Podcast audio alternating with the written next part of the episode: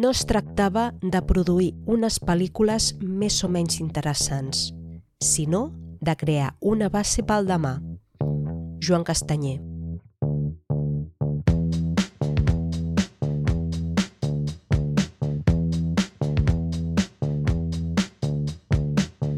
Al 1936, el Comissariat de Propaganda de la Generalitat Republicana va crear Laia Films, una productora que entre el 1937 i el 1938 va crear més de 130 documentals i curtmetratges sobre la Guerra Civil. No només es tractava de reportatges bèl·lics, sinó també hi havia documentals que mostraven la vida a la rereguarda. Tots aquests documentals són un material d'un valor incalculable. Creus que s'han conservat i han arribat fins als nostres dies? Ben aviat ho descobriràs. Llums, càmera, acció.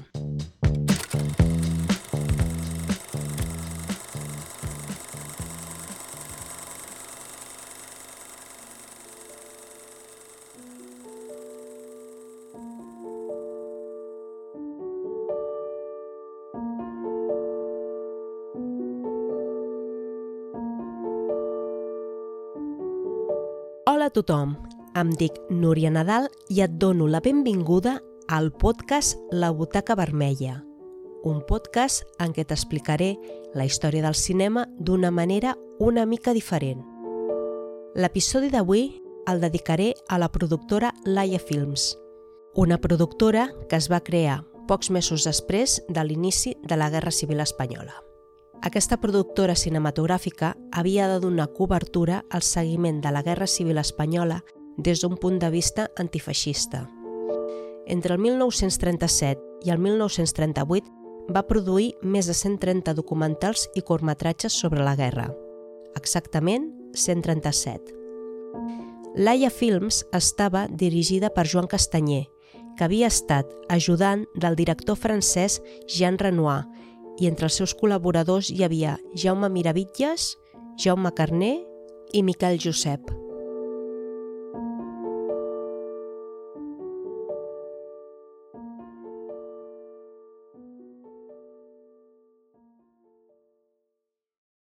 Et situo als anys 30, una època marcada per als extremismes ideològics amb les dretes i les esquerres enfrontades per tota Europa. És el moment en què apareixen les dictadures arreu d'Europa. A Itàlia, Mussolini, amb les camises negres i les calaveres. A Alemanya, Hitler amb les seves esbàstiques i el Tercer Reich. A Portugal, Salazar. I si ens fixem amb l'antiga Unió de Repúbliques Socialistes Soviètiques, la URSS, el panorama tampoc millora. Stalin imposa injeccions de plans quinquenals i purgues massives. A Espanya, la Segona República viu els seus últims dies.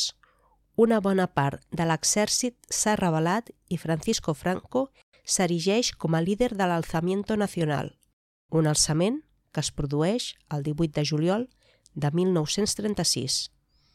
Els intel·lectuals i els cineastes fan les maletes per fugir d'aquest panorama, però hi ha d'altres que es queden per combatre el feixisme. En aquell moment, el cinema té un gran poder. Ja és un espectacle de masses i es converteix en la principal eina propagandística. Abans de començar a entrar en matèria, un petit incís. Avui parlaré de Laia Films i de la seva producció, sobretot els noticiaris. Però això no vol dir que tota la producció cinematogràfica d'aquella època fossin noticiaris ni documentals sobre la massacre que va ser la Guerra Civil Espanyola. A Barcelona, la indústria cinematogràfica estava molt socialitzada per mitjà dels sindicats.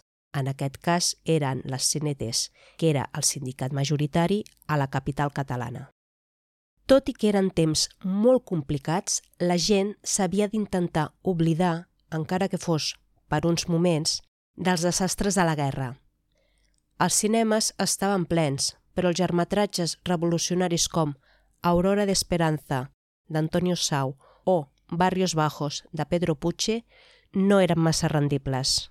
i, per tant, no tenien un bon retorn de diners cap a les productores.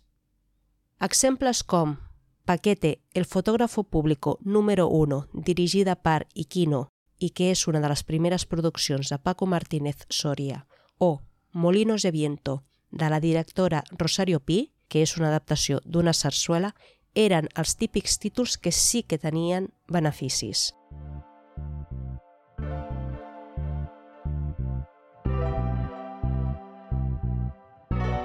Si t'agradaria que parlés en un altre capítol amb més profunditat de les pel·lícules dels anys 30 que no estiguessin vinculades amb la Guerra Civil, recorda que al lloc web labutacavermella.cat barra idees pots votar i proposar temes pels propers episodis.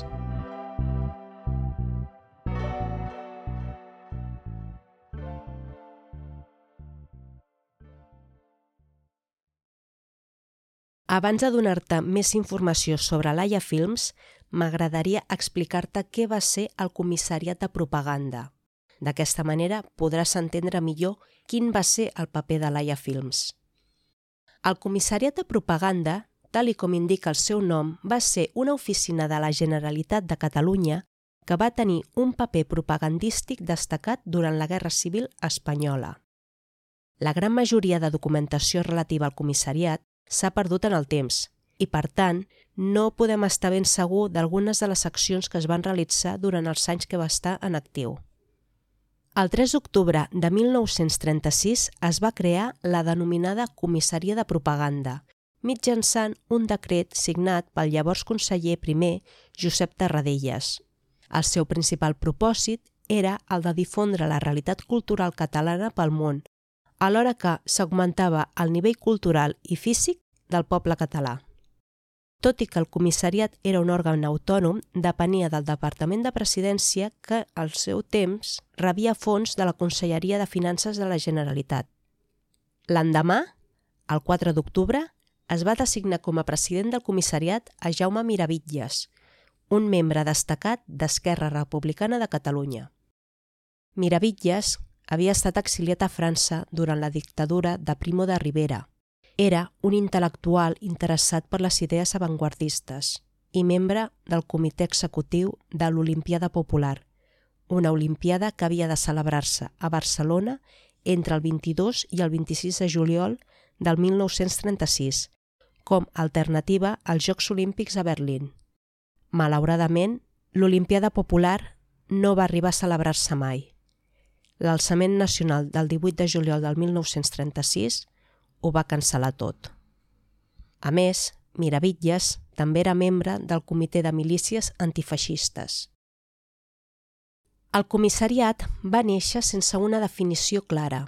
No tenien clars quins serien els seus objectius ni com es portarien a terme.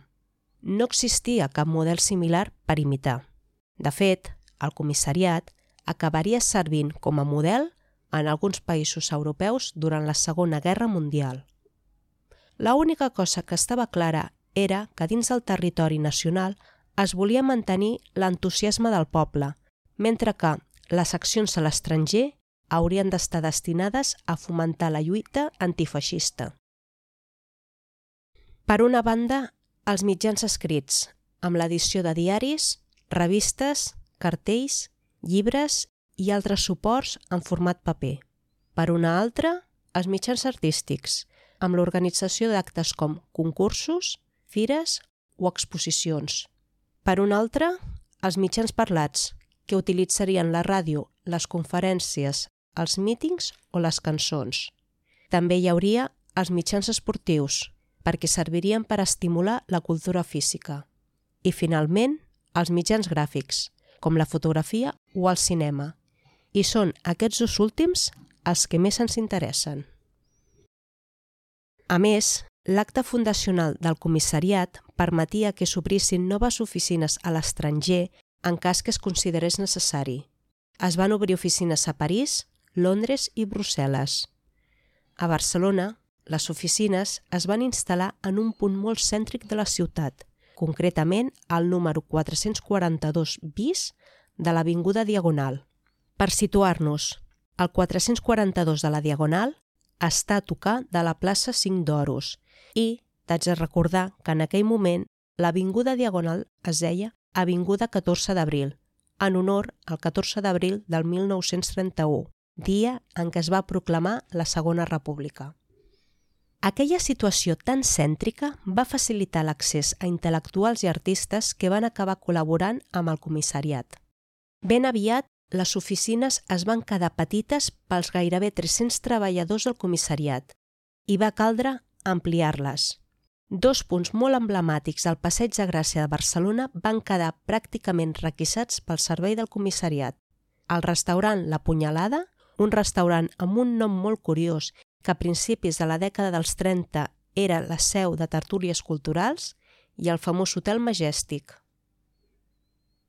Durant els primers temps de la guerra, les accions del comissariat es van centrar principalment en la propaganda gràfica, sobretot cartells amb eslògans i frases. També publicava dues revistes. Nova Ibèria, una revista mensual i que estava traduïda a quatre idiomes. Nova Ibèria es tractava d'una publicació que servia de portaveu del comissariat i ajudava a transmetre una imatge positiva de Catalunya als països estrangers. I Visions, una revista que era totalment gràfica i que estava dedicada exclusivament a la guerra. Tal i com t'he dit abans, el comissariat no va oblidar-se del cinema i per això va crear un dels seus puntals, la productora Laia Films. Laia Films es va crear al novembre de 1936. Estava dirigida per Joan Castanyer, que havia estat ajudant del director francès Jean Renoir. En l'encapçalament del paper oficial de la institució es llegeix el que podria ser la declaració de principis de Laia Films. El cinema al servei del poble, per la cultura i per la llibertat. I si tu preguntes, el nom Laia Films prové de l'antiga Laietana, el nom de la regió romana compressa entre els rius Llobregat i el Tordera. El nom va ser proposat per Jaume Miravitlles, que també el va utilitzar com a marca de l'empresa d'importació i exportació que va crear durant el seu exili a Nova York. Laia Films estava organitzada en dues grans àrees, la distribució, amb subapartats explotació comercial i conservació de còpies, i la producció, amb una direcció tècnica i una altra artística. La primera, la direcció tècnica, va preveure direccions literàries i musicals, de dibuixos animats i la gestió del material que rodava i es muntava. És a dir, gestionaven des de la pressa de les vistes fins als serveis de sonorització i el muntatge final. La segona, l'artística, era responsable del desenvolupament dels projectes a l'estudi, guions i altres serveis tècnics de propaganda. Gràcies a aquesta direcció, van veure la llum els noticiaris i els documentals que explicaven el dia a dia durant la Guerra Civil. Les oficines de l'Aia Films estaven situades al número 442 de l'Avinguda Diagonal, que en aquell moment, i com ja t'he dit abans, era l'Avinguda 14 d'Abril. Precisament, l'edifici on estaven ubicades les oficines de Laia Films era el mateix edifici on hi havia el comissariat de propaganda. A més, Laia Films disposava d'uns estudis cinematogràfics.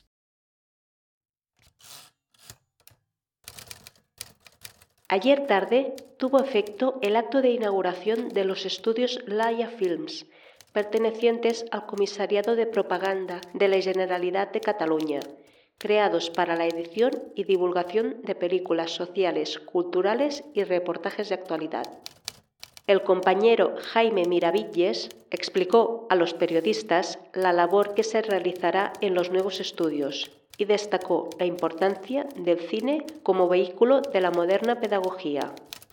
Al frente de los estudios está el compañero Juan Castañé, cuyos conocimientos cinematográficos adquiridos a lo largo de muchos años de estancia en estudios extranjeros son una garantía. La Vanguardia, diumenge 24 de gener del 1937. La productora va contractar la majoria dels reporters cinematogràfics d'altres països que van acudir per realitzar un seguiment de la Guerra Civil des del punt de vista antifeixista. Durant els anys 1937 i 1938 van realitzar 137 documentals i curts en català sobre la Guerra Civil. La productora realitzava un resum setmanal que rebia el nom d'Espanya al dia. Aquest noticiari s'exhibia abans de cada pel·lícula a les sales cinematogràfiques. Els documentals mostraven imatges tant del front com de la rereguarda.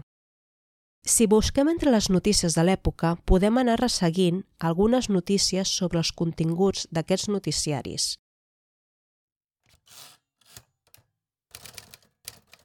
Una sesión de reportajes de Laia Films. Invitados por Laia Films, asistimos ayer a una sesión de reportajes de guerra o simplemente artísticos, exhibidos en el salón de pruebas de la mencionada entidad se inició la sesión de un reportaje de la labor realizada por la República en tierra de Aragón. Tras algunos episodios guerreros regularmente fotografiados, desfila ante la retina del espectador la obra creadora de los que, en la retaguardia, crean escuelas e incrementan las obras públicas, productoras de riqueza. El Noticiero Universal, dimarts 13 de desembre de 1937 un enviado cinematográfico en Ginebra. La Subsecretaría de Propaganda del Gobierno de la República y el Comisariado de Propaganda de la Generalidad de Cataluña, teniendo en cuenta el interés que ha despertado en el mundo entero la reunión de la Sociedad de Naciones que actualmente se celebra en Ginebra, ha decidido transmitir un enviado cinematográfico especial para recoger todos los detalles e incidencias de esta reunión. Los primeros fotogramas han salido ya de Ginebra por avión, con destino a Barcelona. El Noticiero Universal, 13 de maig de 1938. Falset, la Guernica catalana en pantalla. En el Noticiario Nacional España al Día, número 73, que Laia Films presentará el próximo lunes en los locales Atlantic, Publi, Actualidades y Savoy, Además de las acostumbradas e interesantes noticias de actualidad, también figuran los primeros fotogramas obtenidos con motivo de los criminales bombardeos efectuados recientemente por la aviación italo-alemana sobre las poblaciones de Reus y Falset. El film obtenido en esta última ciudad, breves horas después del terrible bombardeo sufrido, reproduce los efectos de los repetidos ataques aéreos que, al destruirla totalmente, la han hecho entrar en la lista de ciudades mártires. El noticiario España al Día de Laia Films evidencia con esta noticia gráfica cómo Falset, la plácida y risueña villa de retaguardia, puede ser considerada tristemente como la Guernica catalana, el Noticiero Universal, dissabte 6 d'agost de 1938. En el Noticiario Nacional España al Día de Laia Films, que será presentado el próximo lunes, figuran, entre otras noticias de interés, unos fotogramas del Frente del Ebro Además de algunos aspectos pintorescos de la vida en campaña, se destaca un emocionante combate aéreo que el cameraman de Laia Films pudo obtener, a pesar del peligro que representaba ese instante. En el aspecto internacional reproduce la llegada de Lord Runciman a Praga y sus primeras entrevistas con las personalidades de la República Checoslovaca para estudiar la situación creada por los alemanes. Por su contenido puede deducirse que este noticiario de Laia Films tiene un gran interès. El Noticiero Universal, dissabte 10 de setembre de 1938. A més dels reportatges bèl·lics, també se'n van realitzar d'altres, destinats sobretot al públic estranger uns reportatges que mostraven des de fires d'artesania catalana a diversos processos industrials. Aquests documentals volien donar la imatge d'un poble treballador i pacífic. I la gran majoria d'ells es van realitzar en quatre idiomes. A més del català, els van traduir a l'espanyol, a l'anglès i al francès. A més, Laia Films també va actuar com a distribuïdora i va ser l'encarregada de portar a Espanya els films produïts per la Unió Soviètica.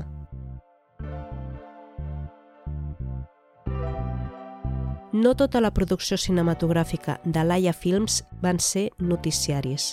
També va haver espai pels documentals, com per exemple Catalunya Màrtir.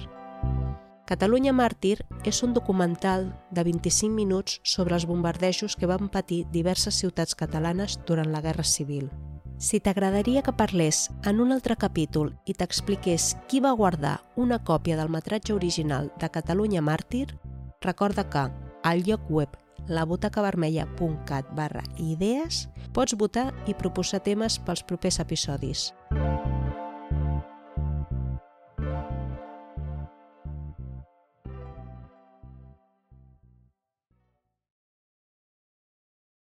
Laia Films no va ser eterna. Va desaparèixer a mitjans de 1938. La major part dels materials de Laia Films s'han perdut a conseqüència d'un bombardeig que després va produir un incendi a l'edifici on estaven dipositats tots els films. També a la situació política posterior a la Guerra Civil i a la fragilitat del suport original, sobretot perquè es tractava de nitrat de cel·lulosa. Es calcula que van aparèixer unes 100 edicions de noticiaris, una xifra que podria equivaldre entre 900 i 1.000 notícies. De tot el material que s'ha estudiat fins ara, s'han identificat unes 450 notícies, de les quals 200 es conserven en muntatges manipulats, 5 incorporades a altres noticiaris i 30 que només se'n conserva la capçalera. Així que podem dir que gran part del fons de Laia Films ens ha arribat fins als nostres dies, però de manera molt fragmentària.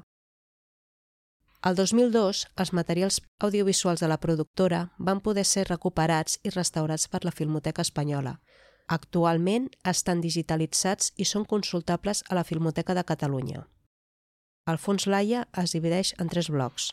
Els noticiaris, que a l'època eren Espanya al dia, la versió en català, però també les versions en castellà, en francès i en anglès. Tots aquests noticiaris van generar una gran quantitat d'imatges que després es van reprofitar en altres produccions. Els noticiaris monogràfics. Aquests seguien l'estructura d'un noticiari, però totes les informacions giraven a l'entorn d'un únic tema i són muntatges originals de l'època amb una unitat d'idioma i d'estructura. I finalment, els documentals, que són aquelles produccions sobre un tema específic però que no segueixen l'estructura de noticiari encara que les imatges provenien dels noticiaris. Això sí, no hem d'oblidar que aquests materials ens poden aportar molta informació i una visió molt diferent sobre la Guerra Civil Espanyola.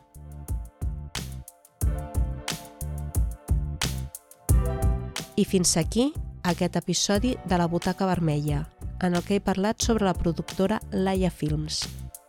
Espero que hagi estat interessant. Si t'ha agradat, no t'oblidis de marcar amb 5 estrelles o la màxima valoració a Spotify o a la plataforma en què estiguis escoltant aquest episodi. Moltes gràcies per escoltar-me i per estar a l'altra banda. Recorda que al lloc web labutacavermella.cat pots trobar la transcripció d'aquest episodi i notes per poder ampliar la informació. A reveure i fins aviat!